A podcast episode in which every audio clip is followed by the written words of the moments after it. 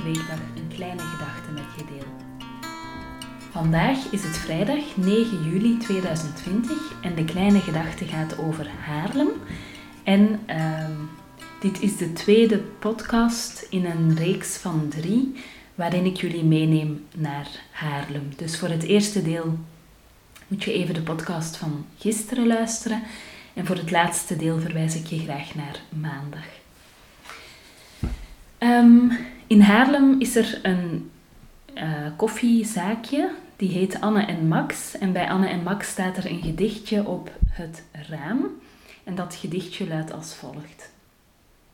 Met jou wil ik zwemmen in het Spaarne, uitwaaien op Bloemendaal, picknicken in een hofje, herten zoeken in de hout, wedden hoe hoog de Bavo is en de Bartoljorisstraat van je kopen met Monopoly. Nu heb ik daar een eigen variant van gemaakt. Ehm, ik heb namelijk als Vlaamse in Haarlem vaak bezoek uit België. En dan uh, probeer ik mensen een beetje mee te nemen in de mooie dingen van Haarlem. Uh, dus mijn eigen versie is deze. Als je op bezoek bent in Haarlem, wil ik met je zwemmen in het wet. Pootje baden bij Parnassia. Cappuccino drinken op een bankje bij Mogador op de botermarkt struinen door de duinen, verpozen in de brakenboertuin, lama's aaien bij de hout, parmigiana di melanzane eten bij La Forca, bloemen kopen op de gedempte gracht, verdwalen in de vijfhoek, snuisteren bij Shaki's en door de tijd wandelen bij Frans Hals. Ik heb gisteren al iets verteld over uh, het zwemmen in het wet, pootje baden bij Parnassia en cappuccino drinken op een bankje bij Mogador.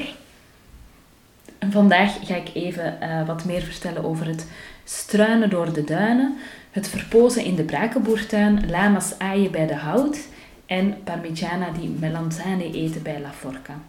En um, nou ja, ik vertel sowieso iets meer over die plekken, maar het is vooral een soort van persoonlijk verhaaltje over wat ik zelf dan zo fijn vind aan deze plekken struinen door de duinen. Ik had het er uh, in de vorige podcast al over. Um, er ligt een heel mooi duinengebied naast Haarlem. Dat is een natuurgebied dat van Zandvoort tot IJmuiden uh, loopt. Um, en waar je eigenlijk een soort van ontzettend boeiende, heel gevarieerde um, ja, afwisseling hebt van strand, uh, bos, stukjes, duinen, uh, begroeide duinen en van die zandduinen. Uh, soms is er plots een open plek of een soort kuil waar je in kan spelen of kan picknicken. Um, en wat ik echt, echt prachtig vind aan de duinen is dat er ook Schotse hooglanders lopen. En ook wilde koningspaarden. Ik dacht vroeger dat het koningspaarden waren, maar het blijkt een soort paard te zijn, had ik nog nooit van gehoord. Het zijn koningspaarden en het zijn een soort van ja, witte schimmels dus, witte paarden ehm, die in een kudde met elkaar uh, door de duinen of door dat gebied uh, trekken. En um, ja, ik vind het zelf altijd ongelooflijk magisch als je door de duinen aan het wandelen of aan het fietsen bent. En je hoort iets in het struikgewas en uh, dan kijk je en komt er een soort van kolos van een Schotse hooglander voorbij. Um, mijn dochters willen trouwens die koeien ook altijd aaien. Dat hebben we nog nooit gedaan, want dat lijkt mij niet echt een aanrader.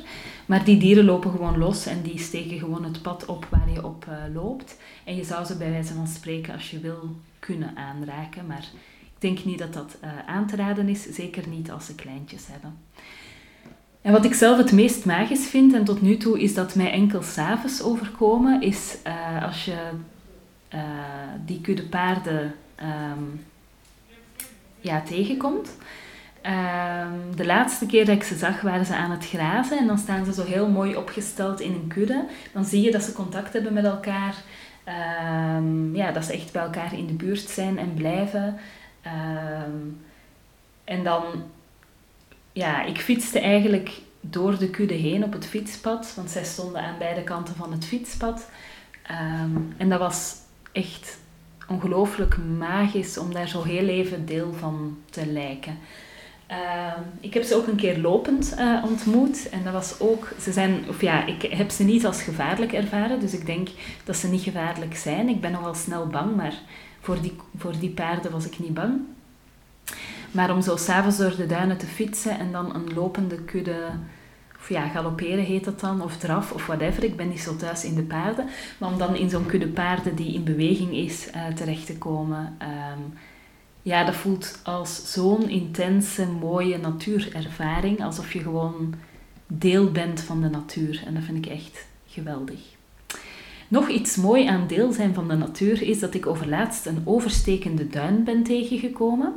Um, ik was aan het fietsen um, en ik kwam ergens een soort bord tegen.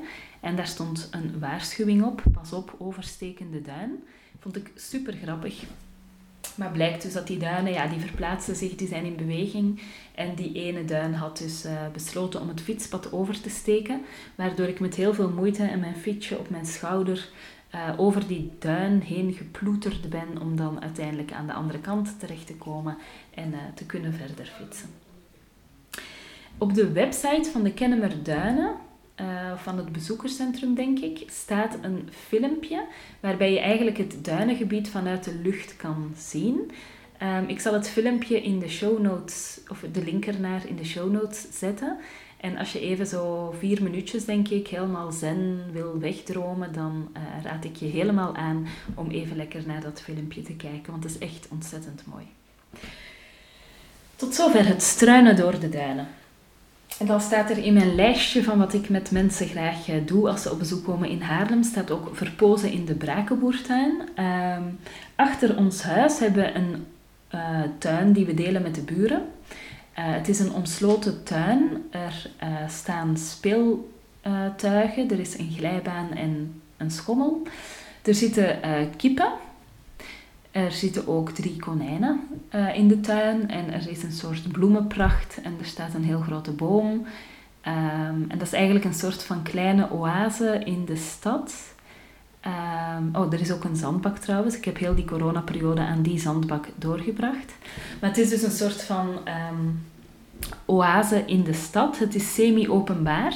Dus wij zorgen samen met de buren voor de tuin. Wij sproeien, wij doen onkruidmomenten uh, enzovoort.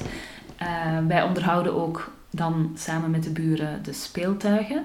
Ehm, en je mag er dus wel, als buitenstaander kan je er wel komen, maar we vragen dan natuurlijk wel om bijvoorbeeld ehm, ja, onze rust te respecteren en geen afval achter te laten enzovoort. Dat lijkt me alleen maar logisch natuurlijk. Um, maar het is dus een heerlijke tuin met allerlei hoekjes en kantjes. En je kan er lekker op een bankje zitten. En uh, als je in de grote houtstraat ergens een koffie kan scoren, um, dan kan je met die koffie lekker in die tuin onder de boom komen zitten. En dan waan je je even helemaal in de natuur. Dan zijn er de lama's in de hout of bij de hout. Uh, de hout is eigenlijk het park, uh, het stadspark denk ik van Haarlem.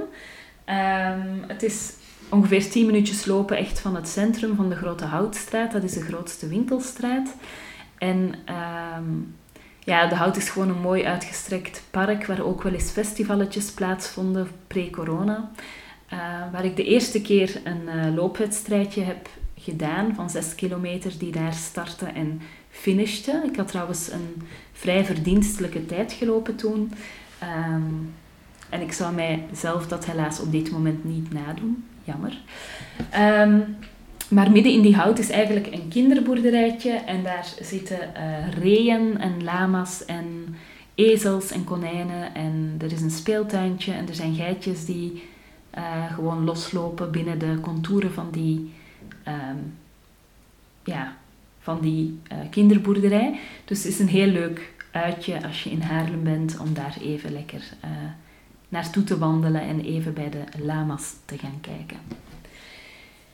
En dan de laatste voor vandaag was het eten van de Parmigiana di Melanzane bij La Forca. En La Forca uh, is een restaurantje, ik denk in de Schachelstraat. Um, alleszins een zijstraat van de gedempte Oude Gracht. Uh, tussen de gedempte Oude Gracht en de Bavokerk. Um, en La Forca is een echt Italiaans restaurantje. Het is, uh, je stapt er binnen, het is er heel donker. Um, um, de kok is een Italiaan, zijn dochter werkte ook in de zaak. Um, en zij hebben echt ja, alles wat dat je daar kan eten. Ik eet natuurlijk alleen vegetarisch, dus ik heb niet de vlees- en de visgerechten geprobeerd. Maar het is allemaal om vingers en, uh, hoe zeg je dat? Je vingers bij af te likken. Um, en het, um, wacht, hè, misschien moet ik nog eerst even iets vertellen over het soort eten. Dus het is een soort traditioneel Italiaans, dus je hoeft geen pizza te verwachten of pasta, maar wel echt Italiaanse gerechten. Ze hebben vaak trouwens een heel goede lunchaanbieding, dat je bijvoorbeeld voor, weet ik veel, 30 euro drie gangen kan eten. S'avonds is het iets duurder. Um, en wat ik fijn vind aan eten bij La Forca is dat er. Um, het is allemaal zo echt en ze hebben heel goede ingrediënten, dat proef je. Um, en het hangt niet aan elkaar van de lieflafjes. Dus zij moeten het niet hebben van schuimpjes en toefjes en dingen die je niet herkent. En kruimels en uh, ja, je weet denk ik wel wat ik bedoel als ik dat vertel. Maar zij moeten het echt hebben van goede tomaten, goede burrata, um, uh, heerlijke olie, brood dat net uit de oven komt. Um, ja, zo het echte, echte eten dat je gewoon herkent en waarvan je voelt dat het met liefde en met goede ingrediënten is gemaakt. Um, en in onze relationele biografie speelt La Forga ook een leuke rol. Het is, um, toen we net een relatie hadden, heeft Pieter mij daarmee uitgenomen. Um, ik was toen al een hele tijd zonder lief geweest. Ik had al drie jaar geen liefje meer. En ik herinner mij zo die eerste periode met Pieter als één groot feest, want uh, plots deed ik weer allerlei dingen die mensen misschien heel normaal of vanzelfsprekend vinden, maar die voor mij al heel lang geleden waren. Dus ik had al heel lang niet meer lekker uit eten geweest, of ik was al heel lang niet meer lekker koffietjes gaan drinken met iemand samen. En uh, in de beginfase van onze relatie deden we dat soort dingen vaak. En nam Pieter mij ook mee naar leuke plekjes, zoals La Forca. Dus uh, ik herinner me echt nog de eerste keer dat we daar aten. Um, dat we een soort van voorgerecht hadden. En dat waren allemaal uh, Italiaanse hapjes. Dus we kregen eigenlijk een tafel vol bordjes met, weet ik veel, gevulde courgette Um, iets tomaat mozzarella-achtig. Uh, dus allemaal lekkere, lekkere uh, kleine gerechtjes. En ik had eigenlijk na dat voorgerecht al het idee dat ik uh, voldoende gegeten had. Um, en toen moesten we nog aan het hoofdgerecht beginnen. Dus dat was wel, ja, was wel grappig toen. Um, en nog meer over onze relationele biografie. Onze tweeling is de conceptie van onze tweeling heeft plaatsgevonden na een etentje bij La Forca. Dus als je uit bent op een tweeling, dan uh, kan ik jou deze tip uh, geven. Voor ons is die alleszins bewezen. Voilà. Um, tot daar even over Haarlem. Uh, ik ga maandag nog een laatste stukje over Haarlem vertellen. voor ja, tot nu toe, zeg maar. Misschien ga ik deze zomer nog wel een paar dingen over Haarlem maken. Maar uh, binnen deze trilogie uh, is maandag dan het laatste stukje. Dan wil ik nog uh, iets vertellen. Ik kreeg um, net van een van de cursisten een heel leuke foto van een boekje dat ze had gemaakt in de zomercursus. En van een verhaal wat ze had geschreven over haar eerste vakantie met haar drie kinderen op haar eentje. Um, en dat verhaal had ze eigenlijk uitgewerkt naar aanleiding van een opdracht in de zomercursus, Nine Weeks of Summer. Uh, en dat deed me echt ontzettend veel deugd om dat uh, ja, te zien.